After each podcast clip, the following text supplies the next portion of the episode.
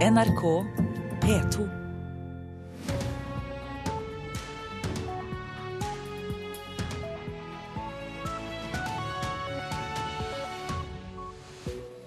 Nyhetsredaksjonen ønsker deg velkommen til sending tirsdag 2. juni. Dette er overskrifter. Ingen ende på trafikktrøbbel i dag. Tunnelreparasjoner i Oslo og ufyselig vær i fjellet kan gjøre livet surt for mange bilister. Storbritannias strev med å reformere EU kan være godt nytt for Norge, tror utenriksminister Børge Brende. Å bidra til mindre byråkrati, det å igjen eh, skape vekstkraft i eh, økonomien. I Kina er flere hundre mennesker savnet etter at en båt kantret i Yangtze-elven. Varsleren Edward Snowden tildeles Bjørnsonprisen, men kan bli nektet innreise for å motta prisen pga. Norges nære forhold til USA.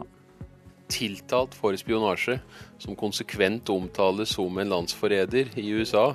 Norges nærmeste allierte skal eh, få innreisetillatelse for å komme til Norge og bli hedra Fredsforsker Christian Berg Harpviken får det også høre mer om i denne sendingen.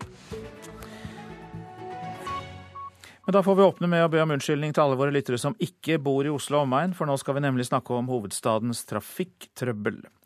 Men eh, likevel om en tunnel som eh, 48 000 kjører gjennom hver dag. Smestadtunnelen på Ring 3, som skal utbedres i ett år framover.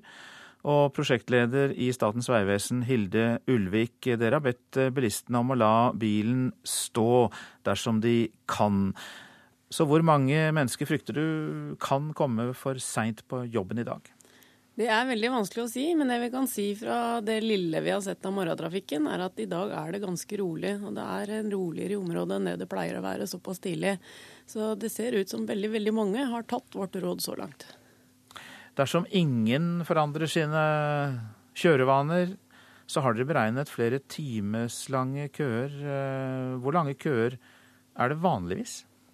Til vanlig så er det jo noe forsinkelse forbi dette området. Det er særlig en del kø mellom Smestad og Tåsentunnelen som kan gi ca. en halvtimes forsinkelse.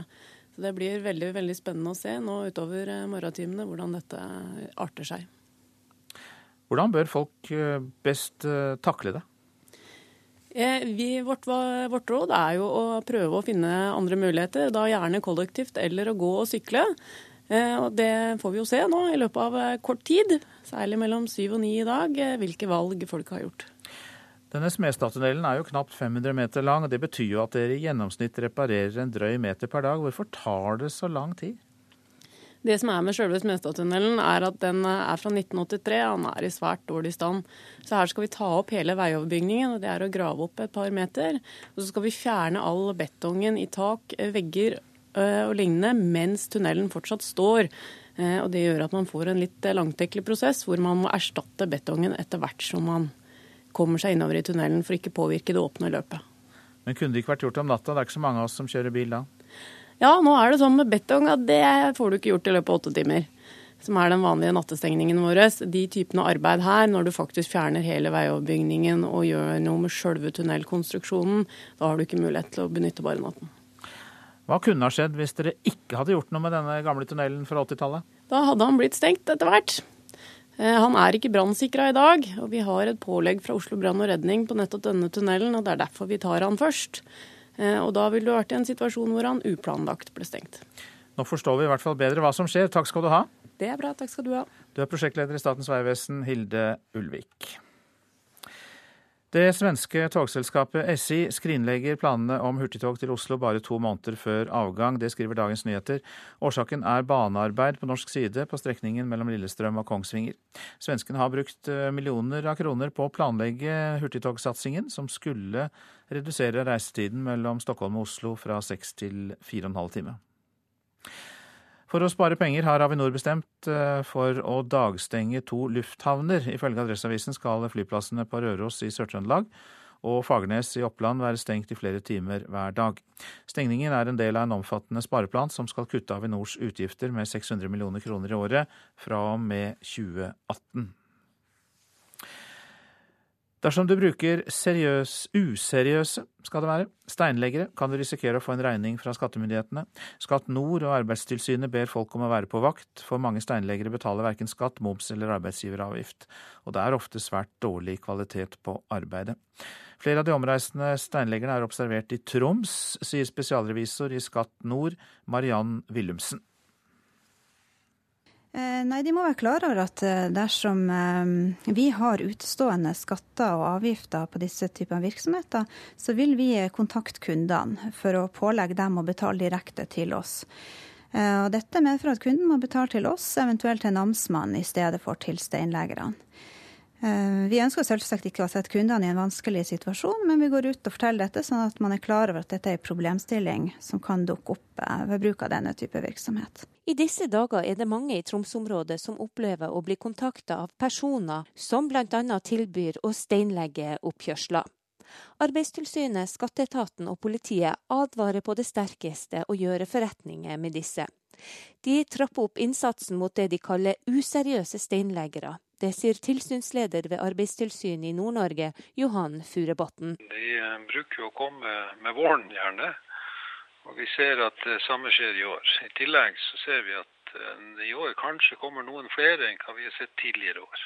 Vi advarer publikum eh, mot å kjøpe disse tjenestene fra disse aktørene som veldig ofte kommer på døra. De opererer gjerne på sida av loven, og de utnytter arbeidstakerne sine sånn. Og det viser også det at de kan faktisk oppfattes som en trussel mot kunder. Det har vært episoder hvor de til dels eh, har en truende atferd. Spesielt når de skal ha betaling og oppgjør for det som de da har gjort. Reporter her var Tove Jensen. I Kina er eh, fem personer så langt bekreftet omkommet, eh, men mer enn 400 er savnet etter en fergekantring i eh, Kina. Noen av passasjerene er reddet opp av vannet i Yangtze-elven sørøst i landet. For å få vite mer om dette har vi tatt kontakt med deg, Asia-korrespondent Peter Svaar. Hva skjer i området akkurat nå?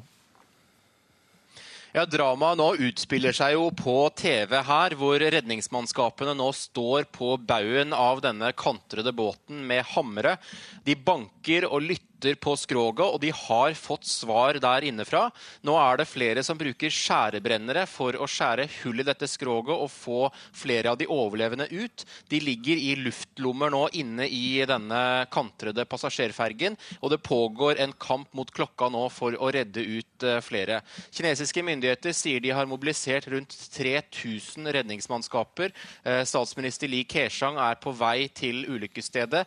Det regner og er ganske dårlig vær i området, og det gjør arbeidet vanskeligere. Men dette er en av de verste skipskatastrofene i moderne kinesisk historie. Og så er kapteinen og maskinsjefen blant de overlevende. De har blitt tatt hånd om av politiet. Hva skjer med dem? Ja, Kinesisk fjernsyn melder at de er tatt i varetekt og skal avhøres av politiet. Om det betyr at de er mistenkt for noe kriminelt, det er foreløpig litt uklart. Men det er tydelig at det er spørsmål disse to vil måtte svare på. Ikke minst hvorfor de var blant de første som åpenbart gikk fra bordet. Kapteinen og skipssjefen skal ha vært i en gruppe på sju som hoppet fra båten og svømte i land, mens altså de mange hundre eldre passasjerene ble værende igjen om bord. Og skipet ble rammet av en syklon, det må vi ikke glemme. Øh, det kantret i løpet av få minutter. Hvordan skjedde dette? Ja, kilden til det hendelsesforløpet er jo igjen skipets eh, kaptein. Nå har det vært veldig kraftige lavtrykk og ekstreme værsystemer over det sørlige Kina de siste dagene. Men det er jo veldig uvanlig at slikt ekstremvær får en båt til å tippe rundt eh, midt i eh, en elv. Denne kantringen skjedde bare noen hundre meter fra, land.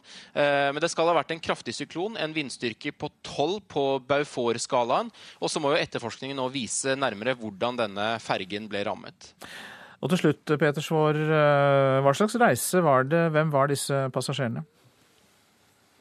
Ja, Dette var kinesiske turister. De var eh, pensjonister, de fleste av dem, mellom 50 og 80 år. De var på tur fra Nanjing til Chongqing med et statseid kinesisk eh, turistselskap. Og av de savnede nå var nær 100 fra Shanghai, 200 fra Jiangsu og rundt 40 fra andre steder i Kina. Alle skal ha gått på båten i Nanjing. Peter Svaar, takk skal eh, du ha. En mann i 20-årene hoppet ut fra et brennende hus i Halden i Østfold i natt. Huset var overtent da mannen hoppet ut av annen etasje for å slippe unna flammene, og han er sendt til sykehus. De to andre som bodde i huset kom seg ut uskadd, og brannen er slukket. Og det var altså i Halden. Vi skriver 2. juni i dag, men ingenting tyder på det når det gjelder været i deler av landet. Det er meldt om store nedbørsmengder og mye vind mange steder. Meteorologene har sendt ut ekstremvarsel for tolv fylker, og for fjell i Sør-Norge er det sendt ut varsel om vanskelige kjøreforhold pga. vind og snø. Vi eh, skulle hatt eh, en liten oppdatering om dette, men det får vi nå. Nå har vi kontakt med deg igjen, Stian Vårsø Simonsen. Så bra det er. Du er på Haukeli. Og hvordan er været rundt deg? Her er det mye vær. Det blåser og det snør. Og de må jobbe kontinuerlig med å holde veien fri for snø. Olav Stana er skiftleder ved Haukeli brøytestasjon. Og det er en spesiell junidag dette her, Olav? Ja, dette er en spesiell junidag. Dette her er heldigvis ikke hvert år. Og så Vi må bare stå på. Vi må salte, vi må brøyte. Folk må fram. Kommer eh, Haukelifjell til å bli stengt? Ja, hvis vinden øker. Det er vinden som er fienden vår her oppe nå. Snøen den skal vi klare, men vinden, sikten forsvinner når vinden øker. Og det er den jeg er litt skeptisk til. Terskelen for at vi stenger, den er veldig lav på sommerdekk. For folk kjører rundt på sommerdekk, og det er ikke spesielt bra akkurat nå? Nei, ikke her oppe i fjellet. Der er, det er dårlig sommerdekk for her oppe nå. Altså, folk må iallfall være veldig forsiktige. Det er glatt. Og vi hadde jo tilfelle i går da vinden tok en bil og føyste den til veien, rett og slett. altså. Blåser biler av veien? Ja, den blåste av veien, den som vi snakket om i går, ja. For når jeg kikker ut av vinduet på brøytebilen til Olav Stana, så er det vanskelig å se i perioder. Det er så mye snø og snøføyke at eh, vi knapt ser ut av vinduet og fem meter foran oss. Nei, det er riktig, da. Det er, det er fem meter er for så vidt god sikt. Men når du ikke ser ned til veien engang fra brøytebilen, da begynner det å bli vanskelig. Og da er, klart, da er det bare én ting å gjøre, dette stenge. For vi kan ikke kjøre kolonne heller når folk har sommerdekk og du får en stopp, og det er bare problemer. Sånn er det på Haukeli. Det er mye vær, det er vanskelig å se, og folk med sommerdekk de bør være veldig forsiktige. Dette er ikke dagen for sommerdekk, selv om vi skriver 2. juni. Værforholdene de kommer nok til å bli kanskje vanskeligere også. Så vidt værvarselet kan vise, så skal det bli mer vind og mer snø, og da blir det veldig vanskelig på Haukelifjell. Takk skal du ha, Stian Vårsø Simonsen, som var vår reporter på Haukeli, der han snakket med vaktleder Olav Stana. Og eh, foreløpig er det åpent på Hardangervidda, over Hemsedalsfjellet og på Haukelifjellet, men Statens vegvesen opplyser at det snør og er vinterføre på Haukeli. Hol Auland er stengt, og det er stengt over Valdresflia og på Sognefjell. I Agder er eh, Suleskarvegen stengt. Og E16 over Filefjell er stengt pga. veiarbeid. Så langt veiene. Nå tar vi heller for oss avisene. Fredrik William Baumann jogger mot oss på Aftenpostens forside. Han er en av Oslo-borgerne som velger å løpe fra køkaoset og ta beina fatt til jobben. Når tunneler nå skal rustes opp, som vi hørte, så frykter Statens vegvesen at strekningen Sinsen-Smestad i Oslo i verste fall kan ta fire timer for bilistene. Blå-blå protest i vest mot politireformen er oppslaget i Klassekampen. Ordfører i Os i Hordaland, Terje Søviknes, er ikke begeistret. Han frykter svekket politiberedskap. Grep som skal få unge navere opp om morgenen. Dagbladet omtaler tiltak fra en ekspertgruppe for å få ungdom i arbeid. Og kombinasjonen skole, utplassering i arbeidslivet og god oppfølging anbefaler de.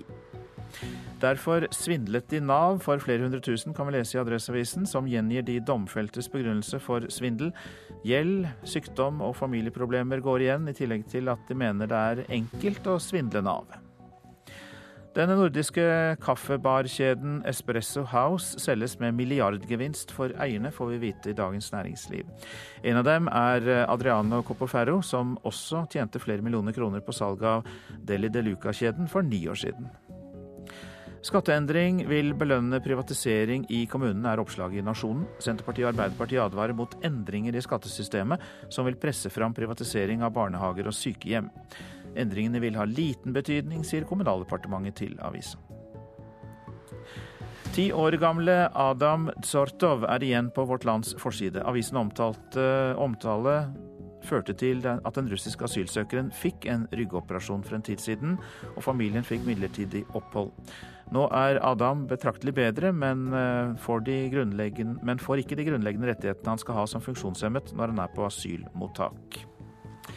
Livet med to blinde barn. VG skriver om påtroppende idrettspresident Tom Tvedt, som sier han aldri var i nærheten av å gi opp da han fikk to barn født uten syn. Nå portretteres han og barna Thomas og Lotte, som er godt i gang med studier i musikk og juss. Bergensavisens forside lyser av lettelse over at Brann har vunnet en fotballkamp. Også kampen mot Follo fikk til tider fansen til å gremmes, men stilen til den nye branntreneren Lars Arne Nilsen ga håp om endring, skriver altså Bergensavisen. Nå om ishockeyspilleren Mats Zuccarello Aasen, som fikk en puck i hodet for fem uker siden.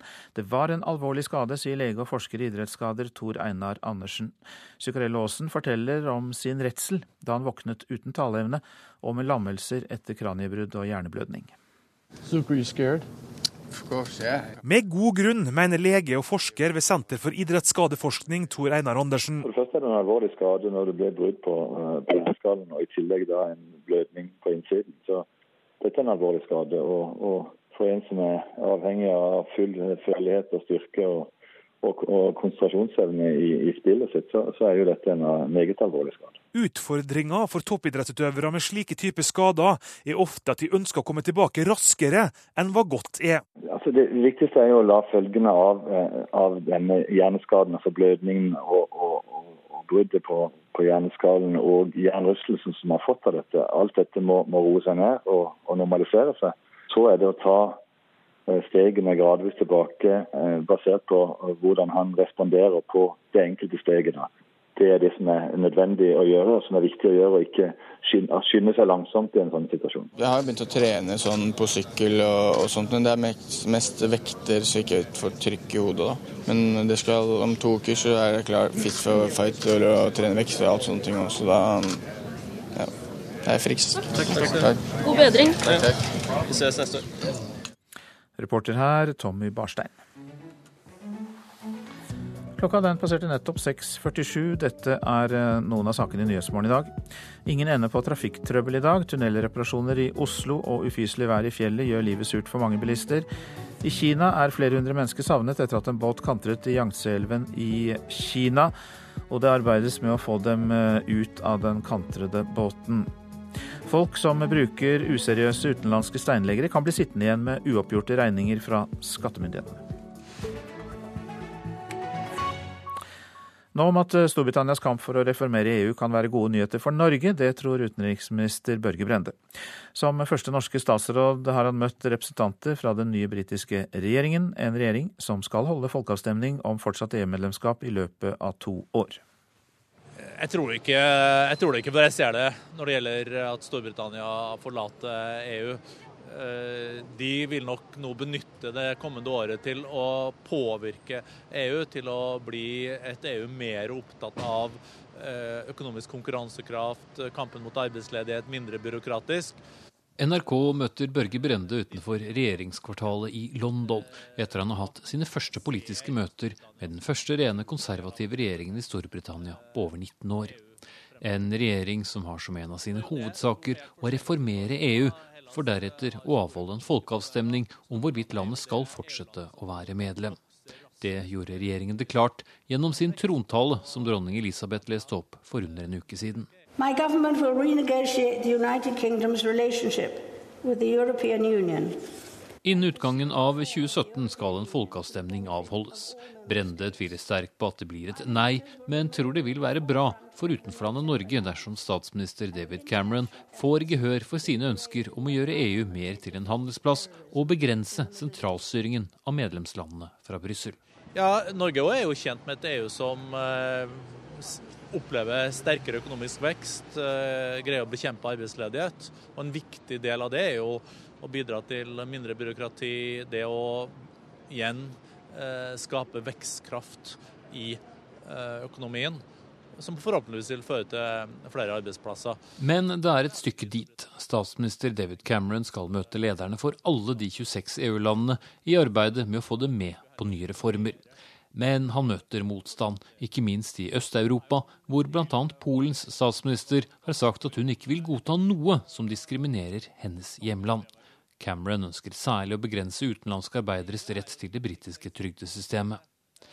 Spørsmålet er eh, hvor store innrømmelser Storbritannia føler de trenger for å si seg fornøyd nok til å få med seg folket til å stemme ja til fortsatt medlemskap. Så er det jo de i Storbritannia som ønsker å gå skrittet lenger og si at eh, Storbritannia skal forlate EU, eh, e men de fleste jeg snakker med i dag, ønsker jo heller å reformere EU e enn å forlate EU. Til sammen 45,3 millioner briter vil få muligheten til å stemme i denne saken.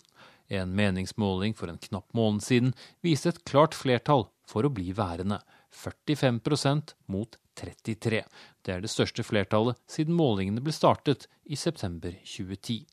Men for bare et drøyt halvår siden så ledet nei-siden. Og det er plass til mange målinger før utgangen av 2017.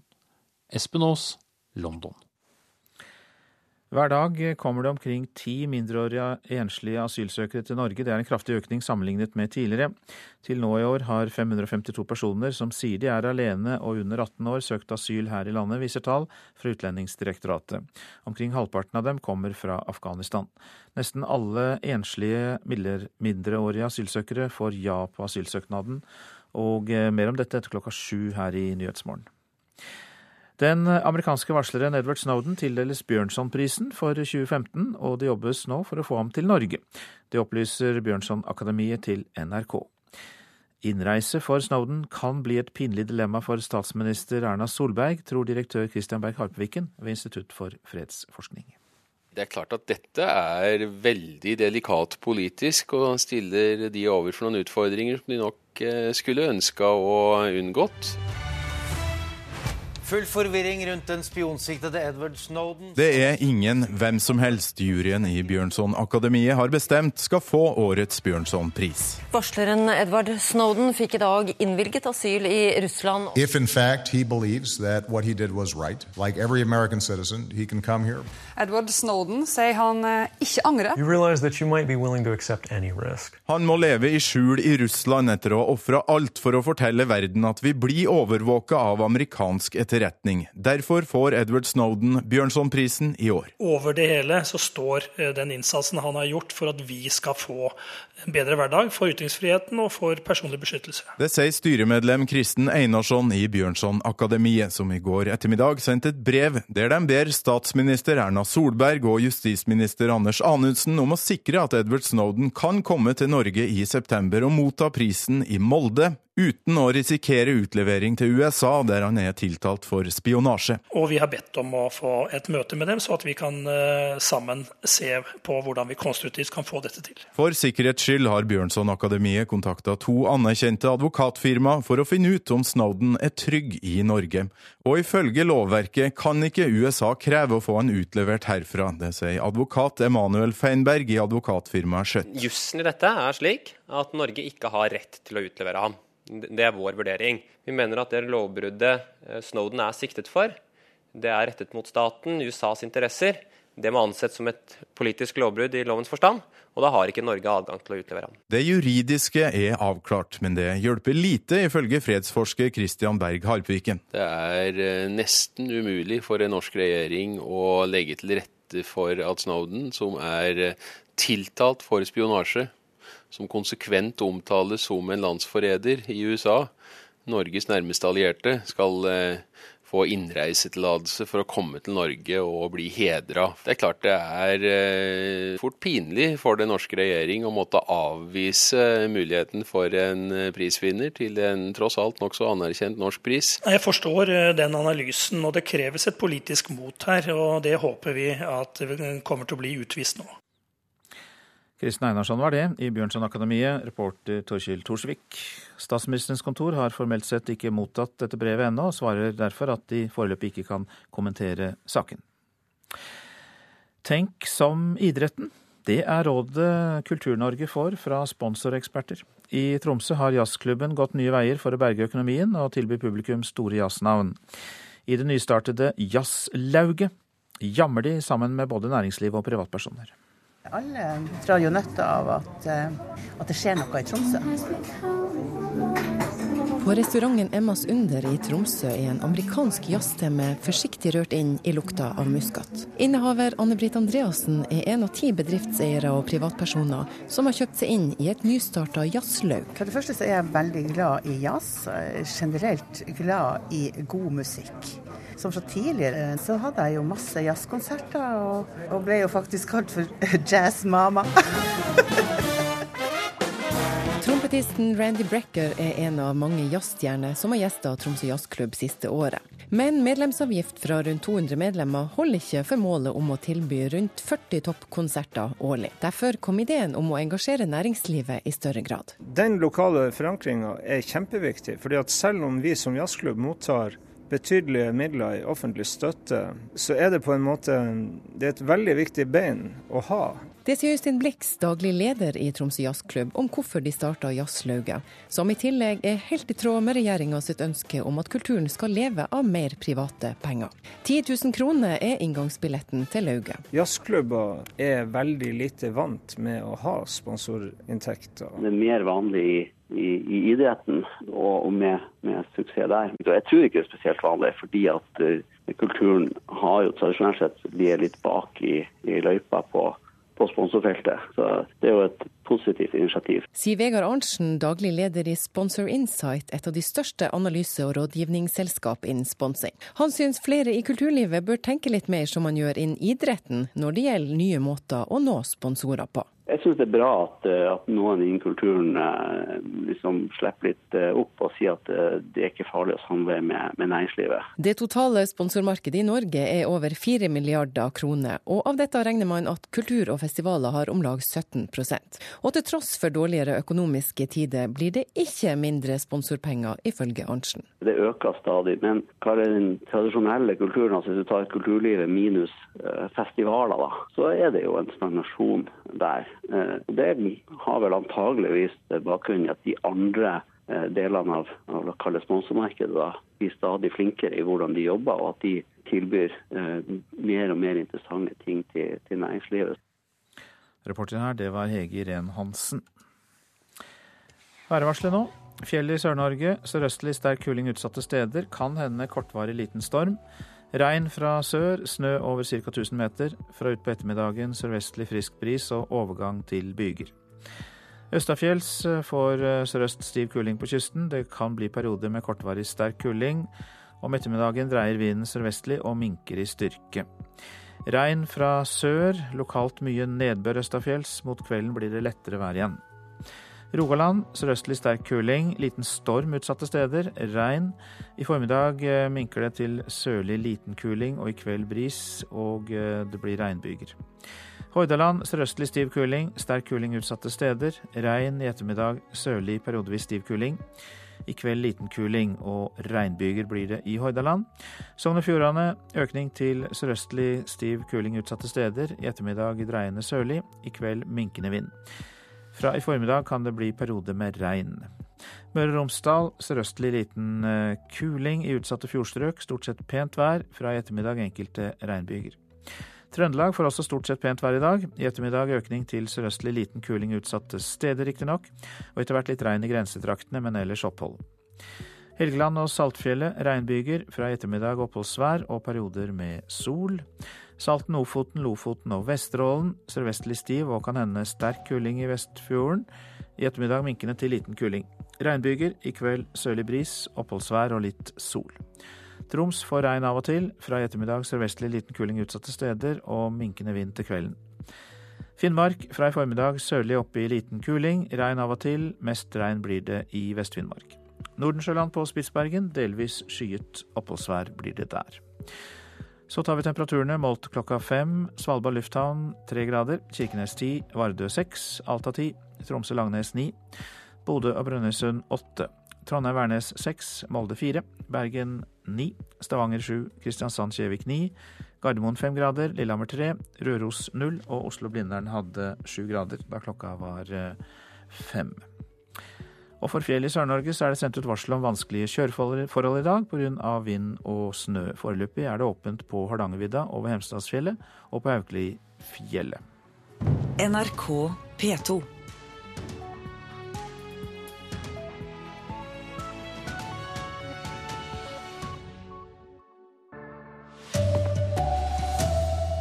Det snør og blåser kraftig på Haukelifjell. Brøytemannskaper er bekymret for bilister som kjører med sommerdekk. Det var ventet køkaos i Oslo, men foreløpig går trafikken roligere enn normalt. Her er NRK Dagsnytt klokken sju. Det snør og blåser altså kraftig på Haukeli fjell, og det er veldig vanskelige kjøreforhold i fjellet i hele Sør-Norge. Olav Stana ved Haukeli brøytestasjon er bekymret for alle som kjører med sommerdekk sikten forsvinner når vinden øker, og det er den jeg er litt skeptisk til. Terskelen for at vi stenger den er veldig lav på sommerdekk. For folk kjører rundt på sommerdekk, og det er ikke spesielt bra akkurat nå? Nei, ikke her oppe i fjellet. Er, det er dårlig sommerdekk for her oppe nå. altså. Folk må iallfall være veldig forsiktige. Det er glatt. Og vi hadde jo tilfelle i går da vinden tok en bil og føyste den til veien, rett og slett. altså. Og veien over Haukelifjell kan bli stengt på kort varsel. Fjellovergangene som allerede er stengt, er Hol, Aureland, Valdresflya og Sognefjell. E16 over Filefjell er stengt pga. veiarbeid. I Kina er bare et fåtall mennesker reddet opp fra Yangtze-elven etter at en båt kantret eh, i natt. Flesteparten av de mer enn 450 menneskene som var om bord, er ikke gjort rede for. Båten ligger opp ned, og redningsmannskapene har hørt banking inne fra skipet, forteller Asia-korrespondent eh, Peter Svaar. Ja, Dramaet nå utspiller seg her, hvor redningsmannskapene nå står på baugen av denne kantrede båten med hamre. De banker og lytter på skroget, og de har fått svar der innefra. Nå er det flere som bruker skjærebrennere for å skjære hull i dette skroget og få flere av de overlevende ut. De ligger i luftlommer nå inne i denne kantrede passasjerfergen, og det pågår en kamp mot klokka nå for å redde ut eh, flere. Kinesiske myndigheter sier de har mobilisert rundt 3000 redningsmannskaper. Eh, statsminister Li Keshang er på vei til ulykkesstedet. Det regner og er ganske dårlig vær i området. og det gjør arbeidet vanskeligere, men dette er en av de verste skipskatastrofene i moderne kinesisk historie. Kapteinen og maskinsjefen svømte i land og varslet om ulykken. De to er nå fengslet. På Ring 3 i Oslo er ett felt stengt i hver retning i Smestadtunnelen pga. veiarbeid. Prosjektleder i Statens vegvesen Hilde Ulvik sier det foreløpig er mindre trafikk enn normalt. I dag er det ganske rolig, og det er en roligere i området enn det det pleier å være såpass tidlig. Så det ser ut som veldig, veldig mange har tatt vårt råd så langt. Men dette er starten på en fem år lang prosess, der til sammen ti tunneler skal rustes opp. NRK Dagsnytt, Ida Creed. Ja, Som vi hørte så kan både vær og vei skape trafikkproblemer både i by og på fjell. Vi skal eh, få inn noen rapporter også her i Nyhetsmorgen om det. Kortsiktig vekst slår ut langsiktig økologisk tenkning blant politikerne. Det mener forskere. Hva sier regjeringsmedlem og forskningsminister Torbjørn Røe Isaksen? Han kommer hit. Det er en kraftig økning i antall enslige mindreårige asylsøkere. Det skal vi også kommentere. Og foreldre melder inn sine nyfødte barn på en kristen ungdomsskole i Rogaland for å sikre dem plass. Ja, Hver dag så kjører jo 48 000 bilister gjennom Smestadtunnelen på Ring 3 i Oslo, men ikke i dag, for et av løpene i tunnelen er stengt. Tunnelen skal utbedres, arbeidet ventes å ta et år. Vi hørte jo også om dette i Dagsnytt. Reporter Knut Erik Solhaug, du er med oss. Og eh, hvordan vil du beskrive situasjonen? Er det kaos og lange køer? Det er det ikke. Det er, her går trafikken veldig greit. Jeg står på østsiden av eh, tunnelen. I da løpet som går vestover, så står det da en pil som peker ned på det høyre feltet før man kjører inn i tunnelen. Det betyr at venstre felt er stengt. Det er det man har gjort eh, foreløpig. Eh, altså at man har stengt ett felt i begge mm, retninger. Dette ville være de første tre ukene, før man da stenger østgående fullstendig i seks måneder. Man eh, frykta jo at det kom til å bli veldig kaos, dette her. Nå skal det jo eh, sies da at um, den verste rushtrafikken ikke setter i gang før ja, rundt disse tider, rundt klokka sju. Men foreløpig så har dette gått veldig greit. Du er jo Oslo-reporter, Solhaug. Du vet jo selvfølgelig alt mulig om, om om tøff trafikk rundt og omkring og i hovedstaden. Uh, Ut ifra det du vet, uh, virker det som det er lydige bilister nå som har funnet andre måter å komme seg fram på? Eh, det kan virke. Dette er jo blitt informert om i lang tid i forvei, forveien. Så det kan virke som at folk har fått med seg dette her og enten valgt andre ruter i dag. Eller tatt sykkelen eller beina fatt, eller kollektivtrafikk. For det er jo også mulighet i denne byen her. Takk for at du er med oss, Knut Erik Solhaug. Og så får du bare oppdatere oss etter hvert eh, som dette eventuelt utvikler seg eh, i en litt mer negativ retning. Vi får se. Trafikkreporter Erik Engen, du er også med oss. Vi hørte om lite kø ved Smestadkrysset i Oslo.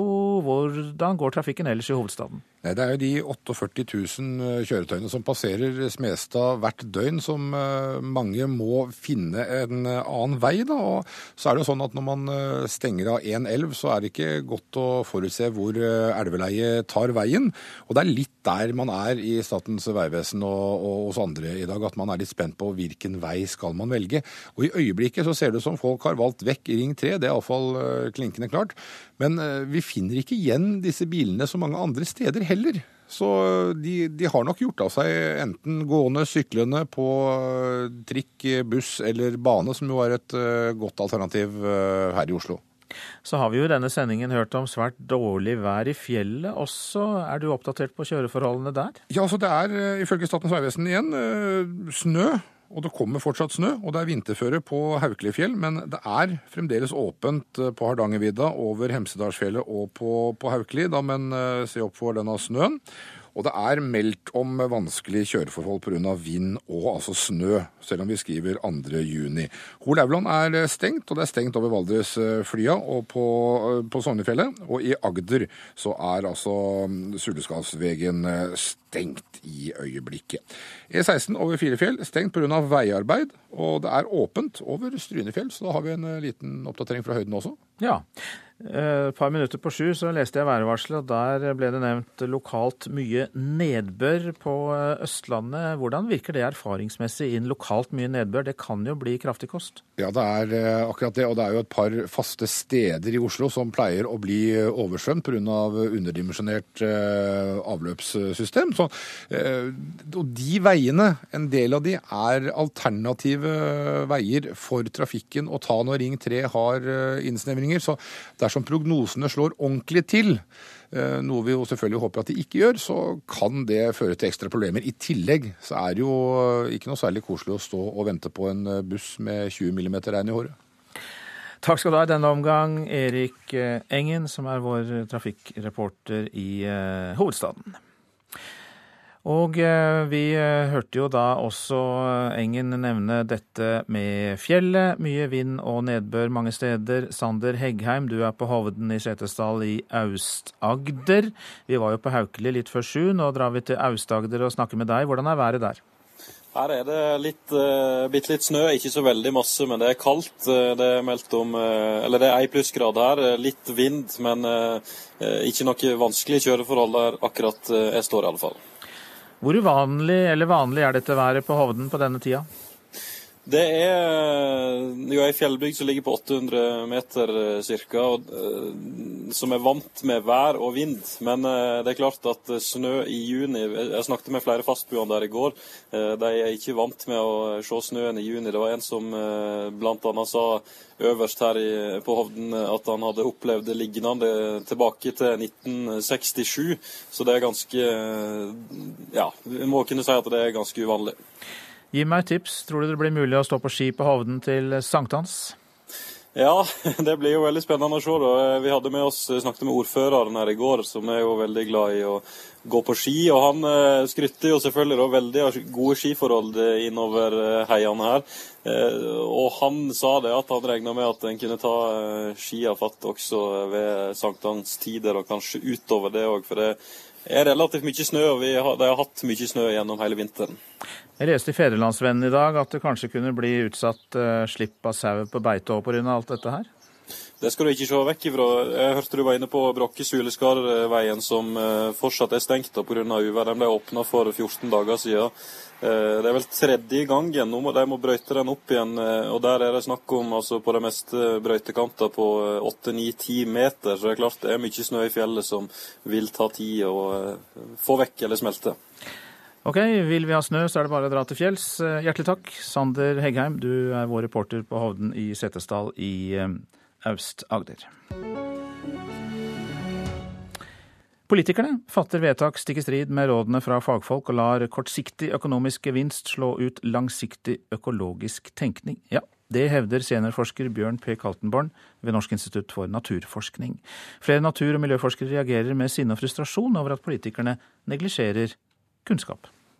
Dette syns jeg er rabiat. Dette er eh, grenser til galskap. Og så er det kanskje fremdeles sånn at noen tenker at miljøhensyn det er en slags kakepynt. Det er klart at vi står ved en veldig viktig korsvei nå. Sinte, oppgitte og alvorlig bekymra. Frustrasjonen brer seg blant miljøforskerne. De ser gang på gang at politikken går i stikk motsatt retning av det forskerne foreslår. Det gjelder blyhagl, snøscootertrafikk og nye skogsbilveier. Mange tenker at trær som råtner på rot er bortkastede ressurser. Professor Anne Sverdrup Tygeson ved Norges miljø- og biovitenskapelige universitet legger fram ny dokumentasjon på det biologiske mangfoldet i skogen. Men nå gjør regjeringa det lettere for skogeierne å bygge nye veier inn i området som ivaretar dette mangfoldet. Men det er faktisk levestedet til en tredjedel av alle artene vi finner i skog.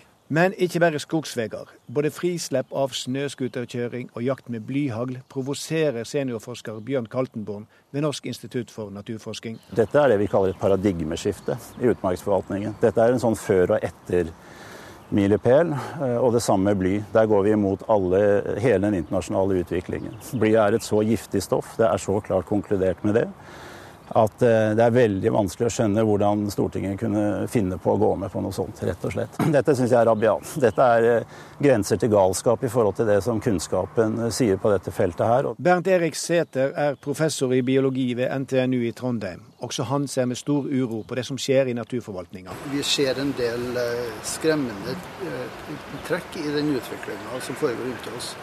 Alle er jo opptatt av klimaendringer, men de klimaendringene de blir jo faktisk enda mer alvorlige med det som vi ser av andre press med naturen. F.eks. at viktige leveområder eh, forsvinner. Det er jo en skremmende utvikling som vi ikke ser konsekvensen av. For forskerne er ikke i tvil om at det er i den langsiktige økologiske prioriteringa grunnlaget for god økonomi i framtida også ligger, sier Anne Sverdrup Tygeson. Artene er jo hele grunnlaget for alle økosystemtjenestene vi får fra skogen. Eh, tømmer er en av dem. Det er på en måte den opplagte. Men også alle de andre. Altså rent vann, ren luft, karbonlagring, flomdemping, naturopplevelser. Alt dette er jo også naturgoder vi får fra skog. Så skal vi sikre naturgodene framover, og sikre det ressursgrunnlaget som vi, vi skal leve av, så må vi ta vare på, på hele systemet. Da må vi ta vare på båndplanken, da må vi ta vare på artene og de stedene hvor de lever. Den reportasjen var laget av Bjørn Atle Gjellestad. Og eh, statsråd Torbjørn Røe Isaksen, velkommen. Tusen takk. Kritikken rettes mot politikerne generelt, men du er jo medlem av regjeringen og til og med forskningsminister, og her står jo mm. bekymringsmeldingene i kø. Mm. Hva sier du til denne kritikken?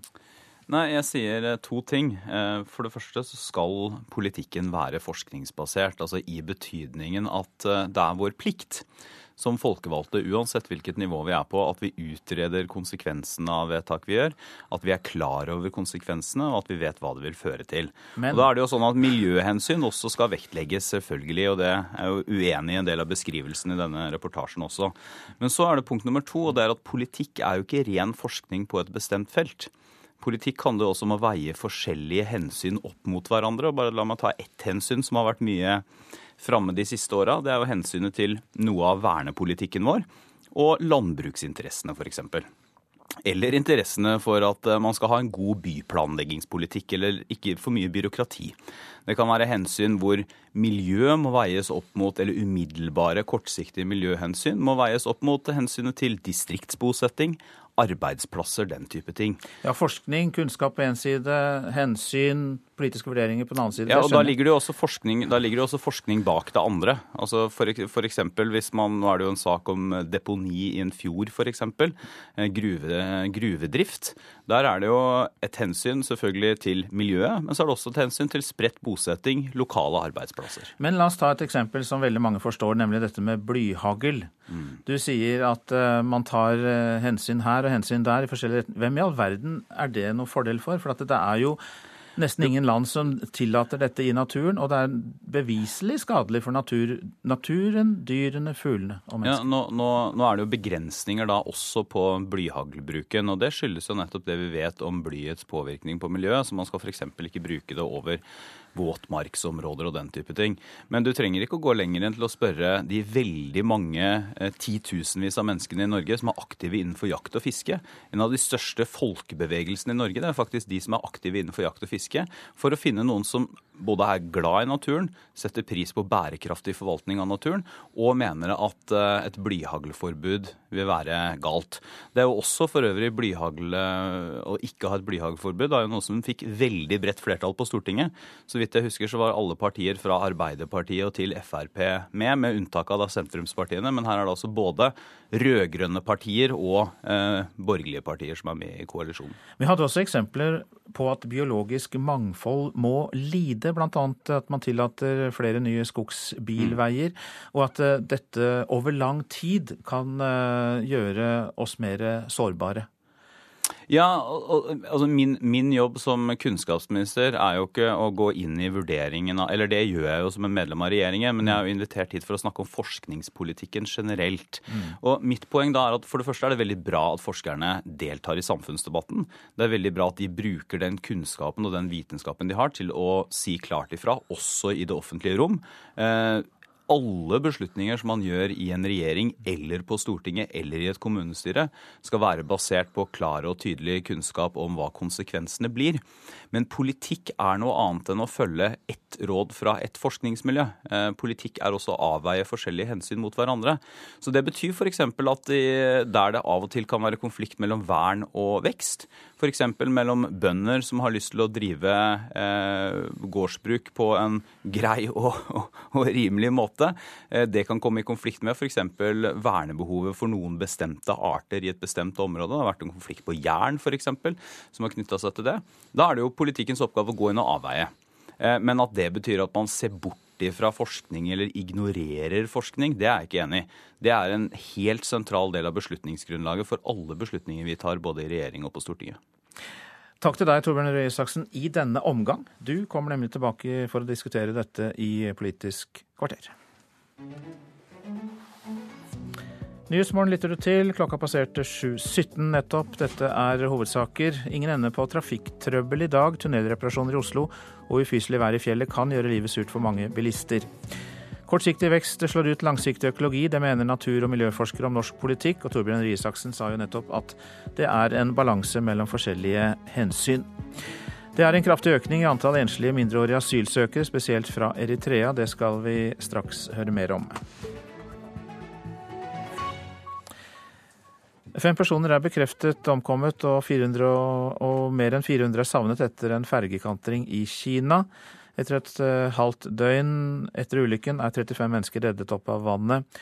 Og redningsmannskapene arbeider nå i morgentimene for å få kontakt med overlevende inne i båten som har eh, kantret.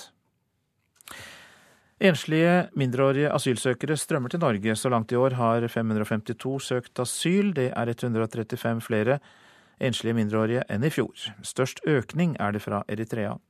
Bare i mai måned kom 138 enslige mindreårige eritreere til landet, opplyser Utlendingsdirektoratet. Ukentlig, nesten daglig, ser vi nye bilder av de som flykter fra Afrika til Europa i gummibåter og gamle holker. Veldig mange av de som eh, nå tar seg inn til Europa over Middelhavet, er fra Eritrea. Det er en del europeiske land som får flere eritreiske asylsøkere enn andre, og Norge er blant dem. og Da vet vi at Norge normalt vil få en del av disse. Det som er nytt i denne situasjonen nå, er at en mye større andel enn før er enslige mindreårige. Sier UDI-direktør Frode Forfang.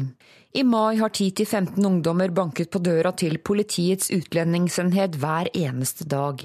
Bare i mai måned ankom 138 unge enslige mindreårige fra Eritrea.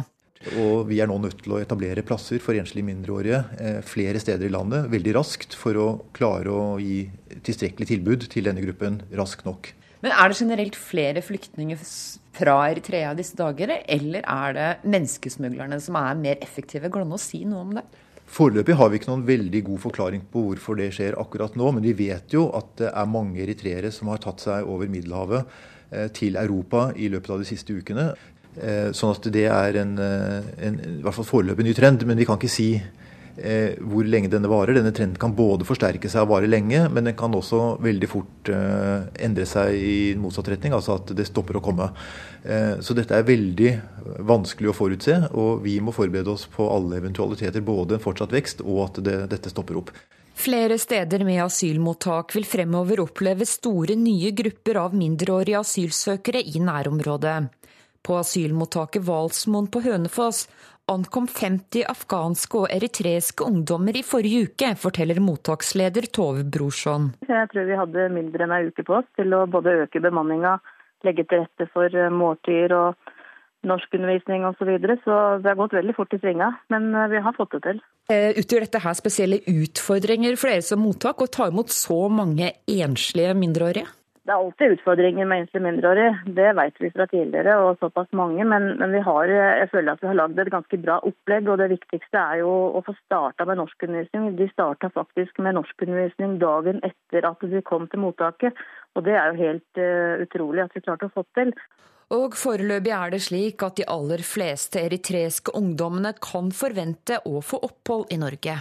De fleste av disse vil nok ende med å få opphold i Norge, ja. Reportasjen var laget av Line Tomter. Jan Pål Brekke, velkommen. Du er forskningssjef hos Ipsos MMI, og eh, du kan fortelle oss mer om dette og kanskje også forklare det for oss. Eh, for hvorfor kommer det flere enslige mindreårige asylsøkere, da særlig fra Eritrea?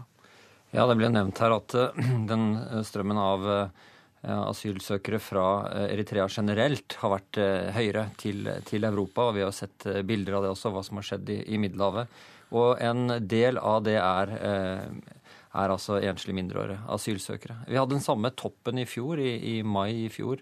Eh, så dette er på en måte høysesongen for dette. Men eh, at det er en så, såpass mye høyere andel som er enslige mindreårige, er er det for tidlig å si noe om nå. Dette har jo skjedd i løpet av den siste måneden bare. Hvis du skal tenke rundt det uten å forske rundt det, hva tror du kan være en årsak? Nei, altså Det kan tenkes at det er eh, mer, mer det er røffere forhold i, langs hele den ruten, hele transittruten, gjennom Sudan, eh, Libya, over Middelhavet, gjennom Italia oppover. Sånn at det at det blir skal vi si, en større strekk i gruppen, og at eh, noen eh, drar før andre, og at voksenpersoner blir hengende igjen i, i den prosessen, det er nok en sannsynlig forklaring. Er det reelt at de er enslige, eller kan det også være en oppskrift på å få barna trygt til et skandinavisk land først? Ja, det synes jeg er et interessant spørsmål, fordi at uh, denne gruppen uh, fra Eritrea de får opphold uansett. Og når man tenker på enslige mindreårige tidligere, så har det vært en debatt om dette er noen som blir sendt i, for, i forveien, og så får familiegjenforening senere, eller om det er uh, folk som blir sendt ut og så for å sende penger hjem til hjemlandet hvor foreldrene blir værende. Men i dette tilfellet så får jo alle opphold, og derfor så skulle man ikke tenke seg at det var en del av akkurat den typen strategi. Og så er det jo da disse menneskesmuglerne kan det være noen grunn til at de eh, bidrar til at det kommer flere enslige mindreårige? Har vi noe å si om det? Ja, altså det, eh, Innenfor den eritreiske gruppen så, så, er jo hovedlinjen etter man har kommet til Europa eh, fra Italia og gjennom, gjennom eh, landene imellom og opp til Skandinavia, særlig Tyskland da, og, og Sverige og, og, Norge. Og at det skulle vært en sånn dynamikk i smuglerruten der som skulle tilsagt at det, at det nå blir sendt eh, på den måten, er litt sånn uklart i og med at oppholdsbetingelsene er positive for disse, eh, og at de får opphold.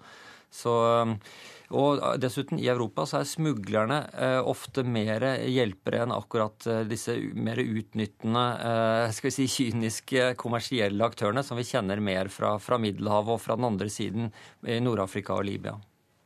Mange takk i denne omgang, Jan Pål Brekke, som er forskningssjef hos Ipsos MMI. Så skal jeg si litt om det avisen er opptatt av i dag. Fredrik William Baumann jogger mot oss på Aftenpostens forside. Han er en av osloborgerne som velger å løpe fra køkaoset og ta beina fatt til jobb. Når tunneler nå skal rustes opp, så frykter Statens vegvesen at strekningen Sinsen-Smestad i Oslo i verste fall kan ta fire timer for bilistene. Blå-blå protest i vest mot politireformen er oppslaget i Klassekampen. Ordfører Os i Hordaland, Terje Søviknes, er ikke begeistret. Han frykter svekket politiberedskap. Grep som skal få unge navere opp om morgenen. Dagbladet omtaler tiltak fra en ekspertgruppe for å få ungdom i arbeid.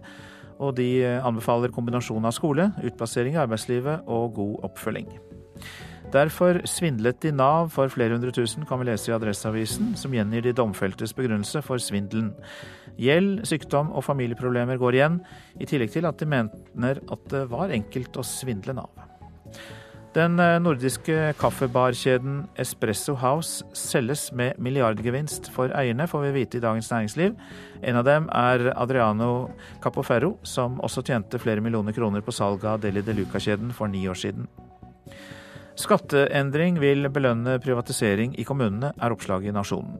Senterpartiet og Arbeiderpartiet advarer mot endringer i skattesystemet som vil presse fram privatisering av barnehager og sykehjem. Endringene vil ha liten betydning, svarer Kommunaldepartementet.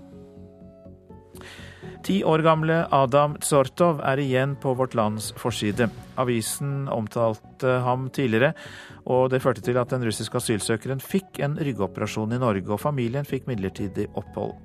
Nå er Adam betraktelig bedre, men får ikke de grunnleggende rettighetene han skal ha som funksjonshemmet når han bor på asylmottak. Livet med to blinde barn. VG skriver om påtroppende idrettspresident Tom Tvedt, som sier han aldri var i nærheten av å gi opp da han fikk to barn født uten syn. Nå portretteres han og barna Thomas og Lotte, som er godt i gang med studier i musikk og juss. Bergensavisens forside lyser av lettelse over at Brann har vunnet en fotballkamp. Også kampen mot Follo fikk til tider fansen til å gremmes, men stilen til den nye Brann-treneren Lars Arne Nilsen ga håp om endring, skriver altså avisa. Flere kristne privatskoler seiler i medvind i Rogaland. Tryggheim ungdomsskole på Nærbø er en av skolene som utvider tilbudet. Nå sikrer foreldrene sine nyfødte plass på den populære ungdomsskolen. Jeg vet ikke hva de siste De er født i 2013 er de født. Skoleåret 2029-2030 er under planlegging her, altså? Ja, det er de, det er de søkt sist, så de skal starte da. Rektor Trond Arild Grødem blar i ringpermene og ser at klassene på skolen er i ferd med å fylles opp 15 år fram i tid. Tryggheim, som er eid av Norsk Luthersk Misjonssamband, var en kristen videregående skole, men utvida med ungdomsskole i 2005. Og det gikk ikke lange tid før klassene var fulle og det ble oppretta ventelister. Når vi hadde drevet i et par-tre år, så ble det at de første søkte om De hadde inne unger, og så søkte de de nyfødte òg inn. Så har det vært sånn videre, da. Så nå står, er det arkivert her år for år framover. Ja, det var en skole som fikk et godt rykte, og vi hadde lyst til at ungene våre skulle ha muligheten til å gå på Tryggheim når, de ble, når, de, når den tid kom. Det sier trebarnsfar Jakob Kjølvik. Eldstemann går i sjette klasse på offentlig barneskole, men både han og småbrødrene er allerede skrevet inn på ungdomsskolen på Tryggheim. Foreldrene var tidlig ute for å være helt sikre på at ungene skulle få skoleplass.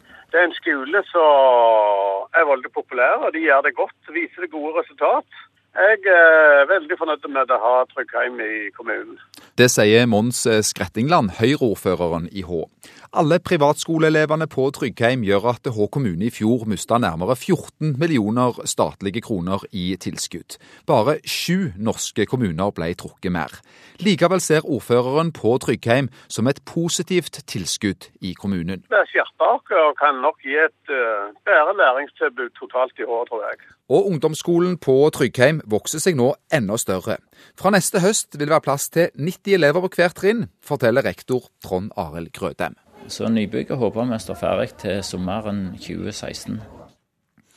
Reporter her var Johan Mile Laugaland. Du lytter til Nyhetsmorgen nå. Produsent i dag Elise Heisel Asbjørnsen. Her i studio Øystein Heggen. I reportasjen etter Dagsnytt skal vi høre om en barneradio i det vestafrikanske landet Guinea-Bissau, men det er ikke en barneradio med morsomme rim og regler. Neglisjerer politikerne forskning når de gjør sine vedtak? Spørsmålet stilles i Politisk kvarter. Og Senterpartiet mener samarbeidspartiene har hoppet bukk over konfliktsaken i revidert budsjett. Det blir også debatt om det.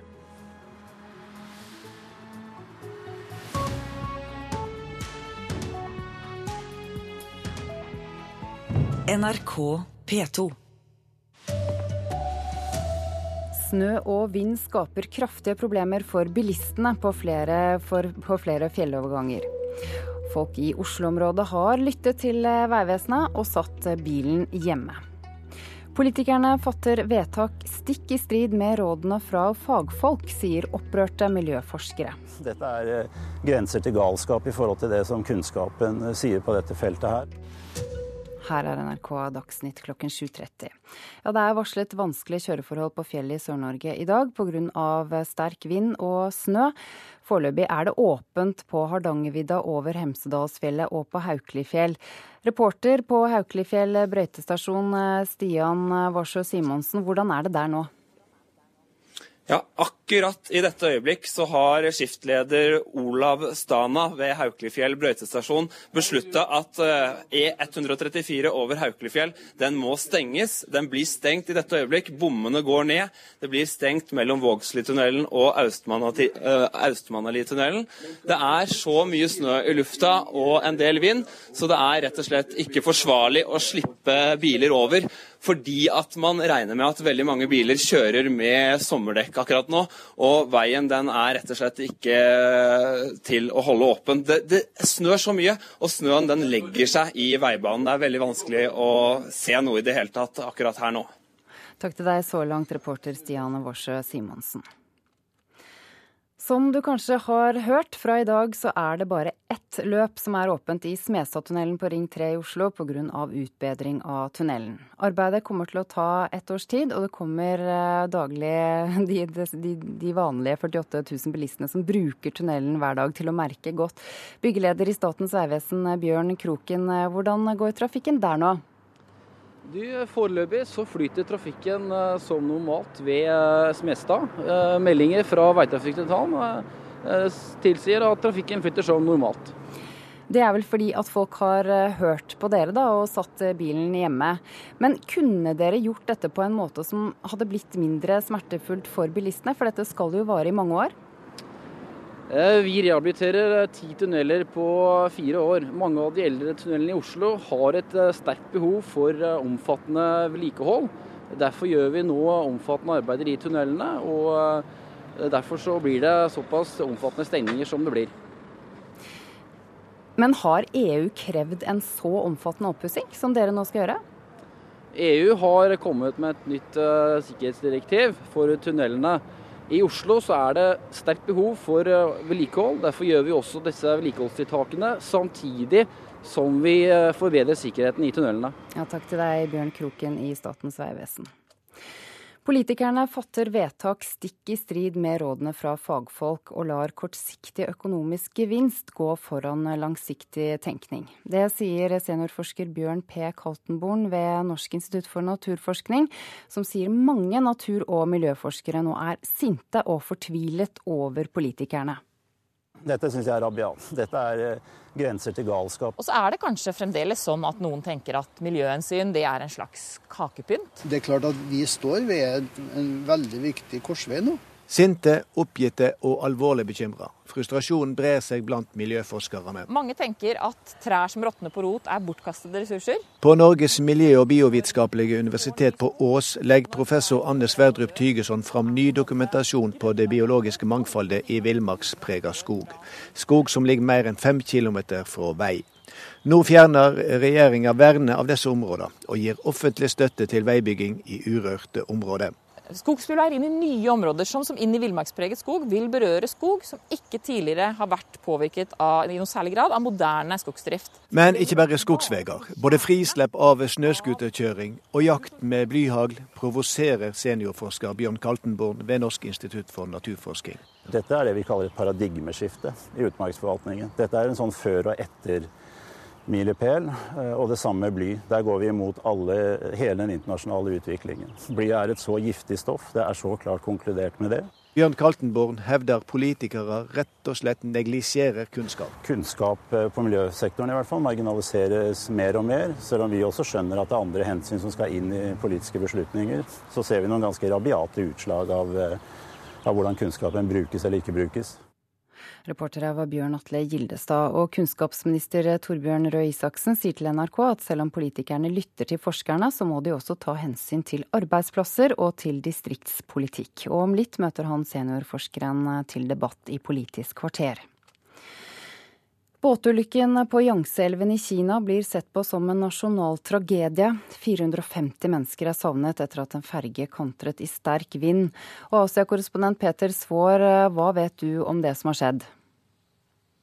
Ja, Det er jo et drama nå som utspiller seg på TV her, hvor redningsmannskapene står på baugen med hamre og banker og lytter på skroget. De har fått svar der innefra. Det er mennesker i live inne i luftlommer i uh, denne båten.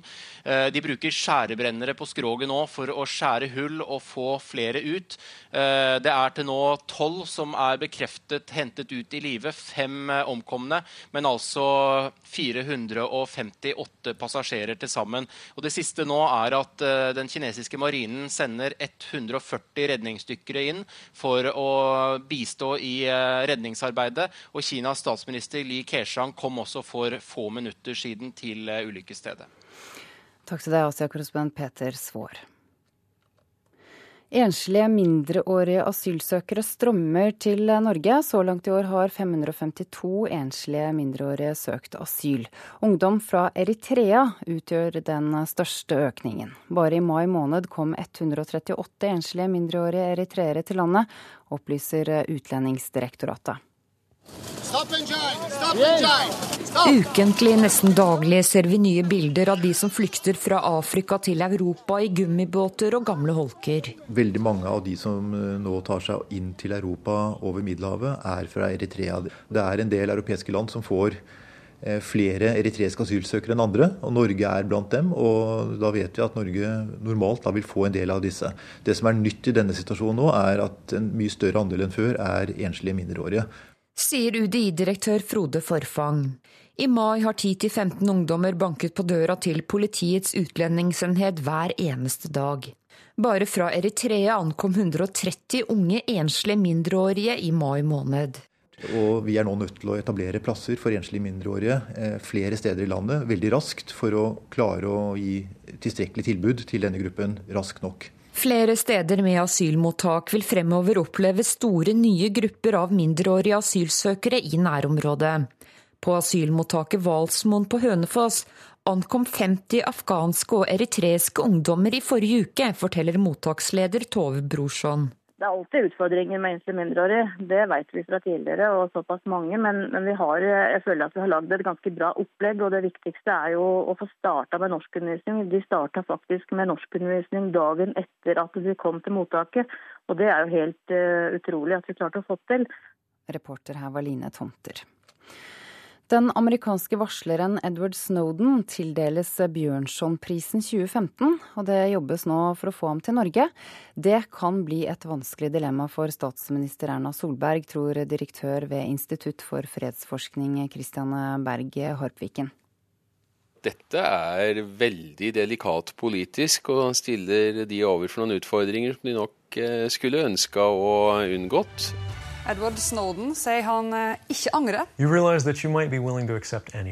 Han ofra alt for å fortelle verden at USA overvåka oss. Nå vil Bjørnson-akademiet overrekke pris til Snowden i Norge. Det forutsetter at den norske regjering gir ham en garanti på at han kan komme hit. og Derfor så har vi i dag sendt brev til statsministeren. Styremedlem i Bjørnson-akademiet Kristen Einarsson må nok dempe sine forventninger, mener fredsforsker Christian Berg Harpviken. Jeg tror muligheten for at Snowden kommer til til eh, Norge for å motta en pris i 2015 er ganske nær null. Norges nærmeste allierte USA ønsker Snowden utlevert. Det blir dermed et avslag fra Erna Solberg, tror Harpviken. Et vanskelig avslag. Fort pinlig for den norske regjering å måtte avvise muligheten for en eh, prisvinner. Det kreves et politisk mot her, og det håper vi at kommer til å bli utvist nå.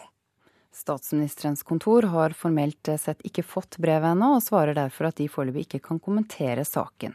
Reporter var Torkil Thorsvik.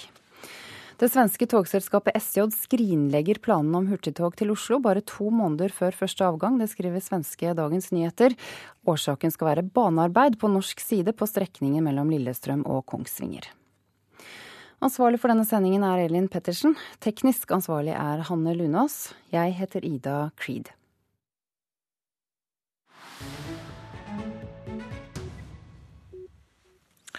Dette er Nyhetsmorgen. Vi skal til Guinea-Bissau og møte Saro Eiram. Hun har laget radio i sju år, siden hun var 14. Men eh, barneradioen hennes består ikke av morsomme rim og regler, for i Guinea-Bissau er virkeligheten dramatisk nok. Tom Christiansen har møtt henne. Vi vil bli som deg, sier tenåringsjentene i hovedstaden Bissau. De er ikke på internett, men de har radioen på. Det er der de hører på henne som de vil ligne. Her er hun. Ora viva numa mantenha muito boa tarde, na Baipa Tudo ouvintes rádio jovem, em especial tudo aqueles que está sintonizado com Hei og velkommen til sendinga, sier Saro på lokal dialekt. Her skal det bli kunnskap, og i dag skal vi snakke om utdanning. Går dere på skolen? Og hvis ikke, hvorfor? Uh, normalmente, a primeira vez eu fui assistir. Sara var 14 og skulle være med i et radioprogram. Hun ble fascinert av all teknikken og mirakelet, at det de sa nådde ut til alle langt unna. Så lette hun etter informasjon som hun ville dele, og radioledelsen ga henne sendetid. Men hun ville ikke snakke om barnslige ting, så hun samlet kunnskap om omskjæring av jenter, tvangsekteskap, mishandling, barns rettigheter, barnearbeid. Og hun sa dette er vel for barn. Det er dem jeg vil snakke om. Hun snakket og snakket, og fikk andre med i debatter for og imot. Alô? Saro holder på i tre timer. Den siste timen er det vitser og rare hendelser. Det er grenser for alt. Og så musikk. Det måtte jo bli bråk etter Saros programmer. Et barn sitter i radioen og snakker om seksuelt misbruk av, ja, jevnaldrende. Felizmente nunca aconteceu. Aconteceu uma vez, uma menina foi violada. Det ringte en mann. Han fortalte at broren hans misbrukte sin egen niese. Det var vanskelig, sier Saro. Vi unngikk å bruke navn, de måtte ikke identifiseres. Men kunne vi bare legge på? Jeg kontaktet fagforeningen min av unge journalister. Vi gikk til ungdomsparlamentet og la fram saken der. Slik grep samfunnet inn. Men mange mente vi ikke skulle snakke om slikt. Iallfall ikke jeg. Det er ingen radiokrig hun fører. Saro har alle meninger representert, også når hun snakker om omskjæring av jenter. De som er imot, snakker ut. Det gjør også de som forsvarer omskjæring. Ja, selv i min egen familie er det delte meninger. Jeg har kusiner som er stolt over å være omskåret. De har fulgt tradisjonen. Det var en stor hendelse i deres liv. Så, Saro, du har vel noen fiender? Um inimigo, uh, meu pai disse vale a pena ter um inimigo declarado. Ikke det jeg vet. Mange blir jo provosert. Jeg har f.eks. sagt at jenter kan gjøre det samme som gutter. Det er det mange som er uenig i, og de er ute etter meg. Så er det nok noen som ikke liker meg, men det er vel mer fordi jeg er jente og har lykkes. Misunnelse heter det. Og den rammer vel en kjendis i Guinea-Bissau? Não assim celebridade. Nei, nei, jeg er ingen kjendis, men mange jenter sier at jeg er en rollemodell for dem. De har lyst til å gjøre det samme som jeg gjør, og det er bra. Voksne sier de skulle likt å være på min alder, så kunne de lykkes, de også. Og dermed drar programmet seg mot slutt, og Saro Airem Manduka Sambu kan avslutte sin tre timer lange sending. Bye, ciao, beijinhos bose você, bose. Ja, Du lytter til Nyhetsmorgen. Dette er noen av nyhetssakene i dag. Snø og vind skaper kraftige problemer for bilistene på flere fjelloverganger i Sør-Norge, men foreløpig er det åpent for trafikk over Hardangervidda, Hemsedalsfjellet og Haukelifjell. Folk i Oslo-området har lyttet til Vegvesenet og satt bilen hjemme. Så langt er det ikke meldt om trafikkaos langs Ring 3, der Smestadtunnelen er delvis stengt. Politikerne fatter vedtak stikk i strid med rådene fra fagfolk, sier opprørte miljøforskere. Bjørn P. Kaltenborn ved Norsk institutt for naturforskning sier mange forskere er sinte og fortvilet over politikerne. Båtulykken på Yangtze-elven i Kina blir sett på som en nasjonal tragedie. Landets statsminister er på vei til ulykkesstedet. Over 400 mennesker er savnet etter at en ferge kantret i sterk vind. Nå Politisk kvarter, der er Håvard Grønli programleder.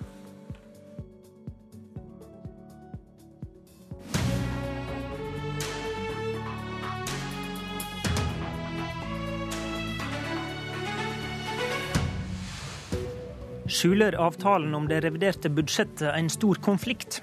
Samarbeidspartiene har hoppa bukk over den vanskeligste saka, mener Senterpartilederen. Og hva sier forskningsministeren til forskeren som er uroa over at politikerne lytter for lite til slike som han? Velkommen til Politisk kvarter tirsdag. Regjeringspartiene og KrF og Venstre ble enige om å flytte på om lag 400 millioner kroner i avtalen om revidert budsjett. Men én ting klarte de ikke å avklare, nemlig hva som skal skje med skatteoppkreverreformen. Regjeringa ønsker å gjøre den kommunale skatteoppkrevinga statlig, og med det gjøre om 288 skattekontor til 33. I forslaget til revidert budsjett fra regjeringa var det lagt inn midler til å starte prosessen med sikte på reform fra nyttår. Men i firepartiavtalen om revidert budsjett i går står det eksplisitt at skatteoppkreverforslaget ikke er en del av avtalen. Trygve Slagsvold Vedum, leder i Senterpartiet. Denne uavklarte situasjonen mener du er problematisk. Hvorfor det? Nei, altså Her er det jo en oppgave som skal fratas da, fra 288 kommuner. Det skal fratas på det ansvaret, kompetansearbeidsplassene og et ansvar de har forvaltet veldig godt. Eh, det er rundt også det er overkant av 1000 mennesker som da jobben deres er i spill. Og Når vi leser avtalen, så, så, er det da ikke mulig å forstå hva som er endepunktet. fordi her står at den ikke er en del av denne avtalen, men så ligger budsjettpengene inne. For det her er kostnadsberegnet å koste 240 millioner kroner, og det er foreslått bevilga 120 millioner nå i revidert nasjonalbudsjett. Omstillingsmidlene. I omstillingsmidler. Så penga ligger der, men så står det at det ikke er en del av avtalen. Og det her er jo da skatteinnkreving som skal være på plass fra 1.1, som er planen. Så det er mitt første spørsmål til Svein Flåtten. Skal det her fortsatt gjennomføres? Skal denne sentraliseringen gjennomføres, eller er det nå stoppa? Vi kan begynne med første spørsmål. Svein Flåtten, finanspolitisk talsmann i Høyre, du har sittet og forhandla om dette. Ja, hva svarer du? Er dette avklart? Det er jo ikke avklart, og regner med at det blir avklart under komiteens behandling. Det er jo ikke noe oppsiktsvekkende at vi har tatt eh, det ut. Vi har eh, forhandlet frem tallbudsjettene på veldig mange andre områder. Så er dette en uavklart situasjon, men det betyr jo ikke at det er eh, noe problem om det går noen dager før dette løses i komiteen. Så jeg syns at Slagsvold Vedum, som vanlig får jeg si, dramatiserer en relativt enkel situasjon. Nå må vi se hvilken løsning dette får under, under behandlingen videre. Men KrF og Venstre er jo tydelige på at de er imot dette. Eh, men da betyr det vel at det ikke blir noe av det? Ja, Nå får vi se hva som skjer under komiteens behandling, men de har vært tydelige på at de eh, delvis tydelige i hvert fall, på at de har vært imot dette. og Det mener jeg er synd, for det er en veldig god reform som kommer til å gi veldig mange gode virkninger. Ikke minst for det helt sentrale problemet for norsk næringsliv, svart økonomi, som det trengs kompetanse eh, for å, for å, motarbeide. Det, er, eh, det står sterke krefter bak den svarte økonomien. Når du da sitter på små kontorer eh, over hele landet med veldig lite miljøer som kan gå hardt inn mot dette, så er det et problem. Og det er en av hovedgrunnene til at vi ønsker at staten skal overta dette. Ja, men det som vi ser på erfaringstallene, er jo at de lokale skattekontorene er mer effektive enn de statlige. Det er høyere De krever 99,8 av alle de skattekroner de skal kreve inn. Mens eh, på det statområdet så krever man 99,4% og man har også sett av erfaring fra Danmark når man statliggjorde den lokale skattekontoret der, så gikk innkrevingsprosenten ned, og man klarte ikke å ta ut effektiviseringa. Og så er det en ting til her som er ganske interessant. Altså, husk at det er 1000 arbeidsplasser som er i spill, og regjeringa har sagt at det her koster sånn 240 millioner, men datasystemet er ikke på plass, og de vet det fort koster en milliard. Så det henger alltid løse, eh, løse lufta. Og da må ingen har sagt at folk skal sparkes ut på gaten her. Nei, nei, det skjønner jeg jo, men de skal jo da flyttes. Det skal flyttes fra 288 plasser til 33 plasser fra 1.1. Men, Men, men Flåtten, hvor lurt var det da å legge inn midler til å starte en slik omorganisering i en sak som faktisk ikke var politisk avklart med samarbeidspartiene? Ja, nå er det jo sånn at Når regjeringen kommer til Stortinget med sine saker, med sine budsjetter, så er aldri noe 100 avklart. Dette minner ja, men Dette er jo en stor reform, og så legger en eh, det inn, eh, inn omstillingsmidler i revidert budsjettforslaget. Ja, men Jeg tror ikke vi skal lage det at det ligger omstillingsmidler inne som til et problem. Problemet og hovedsaken her er la oss gjøre noe med skatteoppkreverfunksjonen. La oss få den enda mer effektiv. Og når Slagsvold Vedum jukser med tall her, for å si hvor eh, mye man greier å kreve inn Altså Mesteparten av skattene, altså det aller, aller meste, nesten alt, kommer inn automatisk. Våre skatter vi trenger ikke noe skatteoppkrever for at vår forskuddstrekk skal gå inn til de som skal ha det. Det som er saken her, er restanser, juks, fanteri, svart økonomi, dersom det virkelig kreves kompetanse til å få tatt tak i. Det trenger mye sterkere faglige miljøer som kan jobbe sammen. Og det er en avsporing, som Slagsvold Vedum sier, at det forsvinner 1000 arbeidsplasser. Her blir antagelig etter hvert noen færre engasjert med dette, men vi setter jo ikke folk på, på gaten. Vi lager rett og slett mer effektivt, og på sikt kommer staten til å spare mye penger. Så de fremtidige budsjettene Trygve Slagsvold Vedum, kommer til å ha nytte av at vi gjennomfører en sånn prosess, for det blir flere penger til disposisjon til veldig mange andre det- gode formål siden. Altså, jeg er også enig med Flåtten at det kommer ikke til å bli borte 1000 arbeidsplasser, men de skal sentraliseres. Eh, og så ser vi jo eh, nå at det er de statlige skattekontorene har ikke klart å effektivisere. Eh, Det er ca. likt antall ansatte. Mens det kommunale har klart å effektivisere. Så den, an, an, antagelsen om at det blir så mye mer effektivt bare å bli statlig, det har man ingen faglig belegg for. Men så her er det også 240 millioner da, eh, som, da, eh, som nå er i spill. Og spørsmålet mitt til Svein Flåtten da er at det, hvis det ikke blir gjennomført eh, blir, gjennomført et, at vi skal overføre skattekontorene, hva gjør vi da med de penga? Altså, kan da KrF og Venstre være med å bevilge de pengene til et annet formål, f.eks. For til kommuneøkonomien? Eller skal de bare da fortsatt drives til omstillingsprosess som ikke skjer? Jeg tror vi skal se hvordan prosessen går i eh, Stortinget. Jeg skjønner ikke at eh, Trygve Slagsvold Vedum syns at de pengene som er avsatt til dette, er det største problemet. Jeg trodde at det største problemet var hvordan får vi en effektiv skatteinnkreving, og så får Stortinget flytte penger hit eller dit i neste etappe. Men Vedum, burde ikke du heller vært fornøyd med dette, da? Du som er kritisk til reformen. Betyr ikke dette at KrF og Venstre har kjempa for ditt syn og tydeligvis vunnet første slag? Jeg håper virkelig at det er det vi får til, for vi vet at erfaringen med lokal skatteinnkreving er så god. og eksempel både Høyre-styrte Bergen og Høyre-styrte Oslo var jo veldig tydelige i høringa på at det her er en god og effektiv måte å kreve inn skatt på. Så her er jo mulighetsrommet. Men da, men da må vi også ta ut penga og stoppe den eh, statliggjøringa og sentraliseringa. Svein Flåtten sa at vi får se hva som skjer, så da får vi gjøre det. Takk til dere to.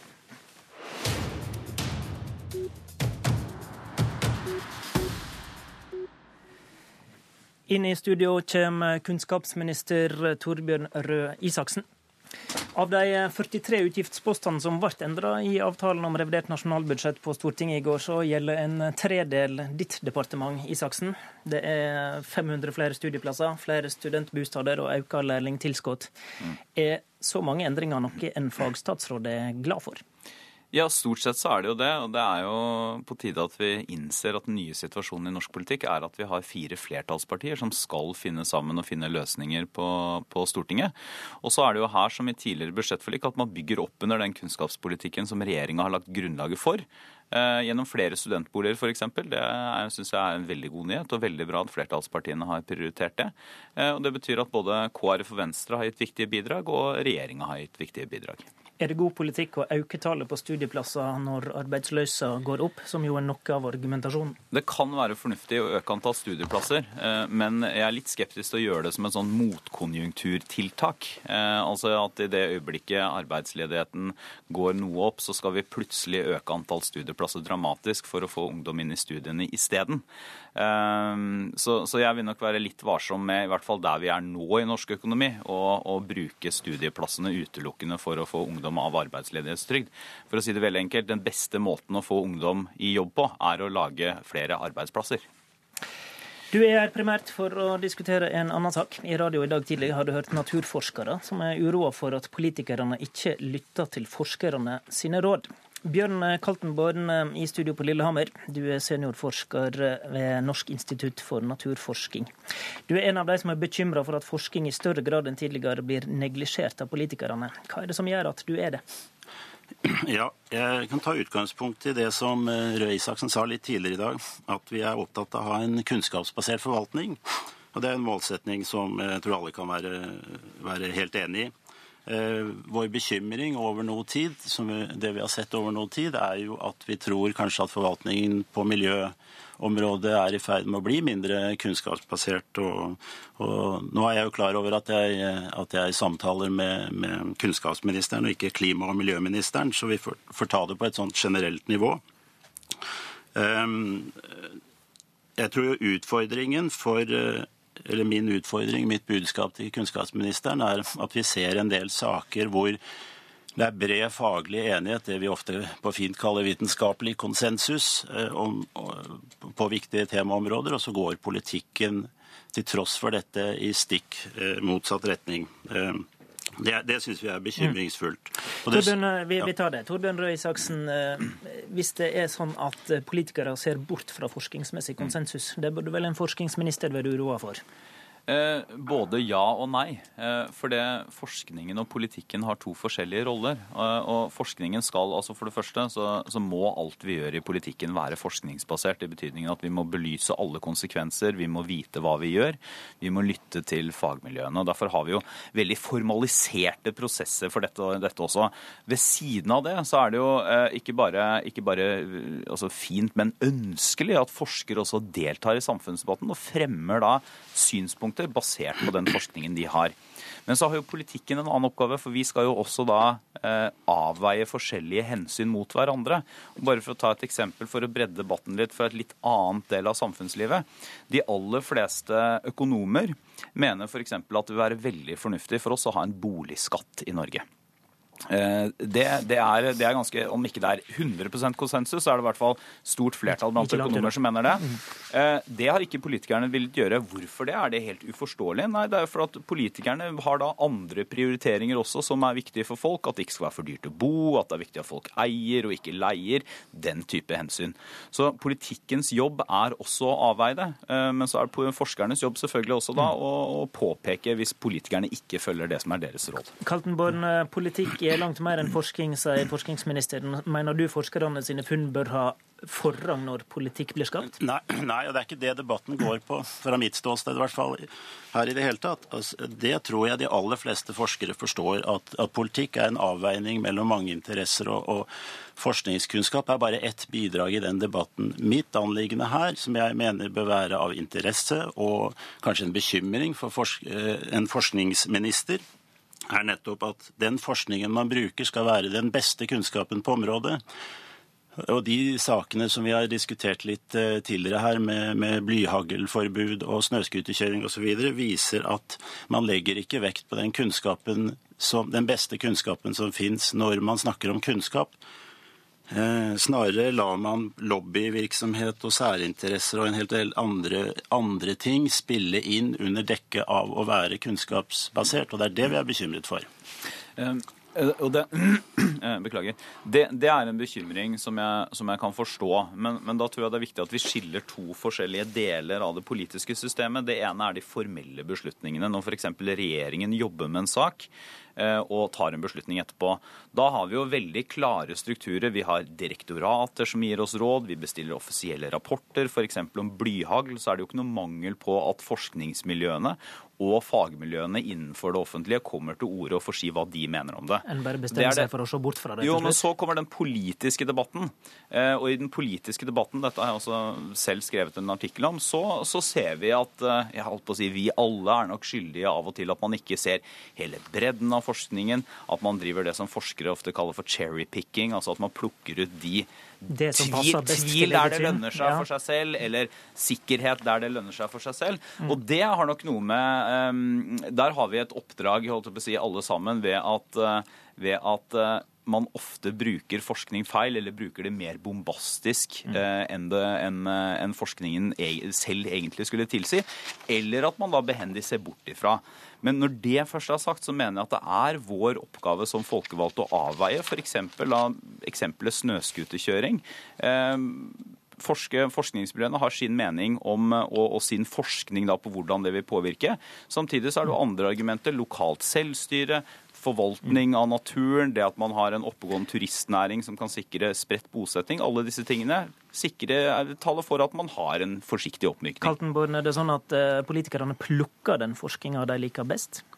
Jo, ja, det, det, tror jeg skjer i ganske stor grad. Og det, Hvis vi skal snakke litt om tendenser, så så ser vi at my, svært mye av den forskningen som brukes som grunnlag for miljøpolitiske beslutninger, er såkalt oppdragsforskning. og det, det, betyr at den i stor grad, premissene for den, er styrt innenfor en politisk virkelighet og politiske rammer. Vi ser at anbudsprosessene blir strammere og strammere, og at det blir vanskeligere og vanskeligere og å komme fram med langsiktig forskning. Og der renner tida vår ut. Takk til Bjørn Koltenborn og Torbjørn Røe Isaksen. I studio i dag, Håvard Grønli. Hør flere podkaster på nrk.no podkast.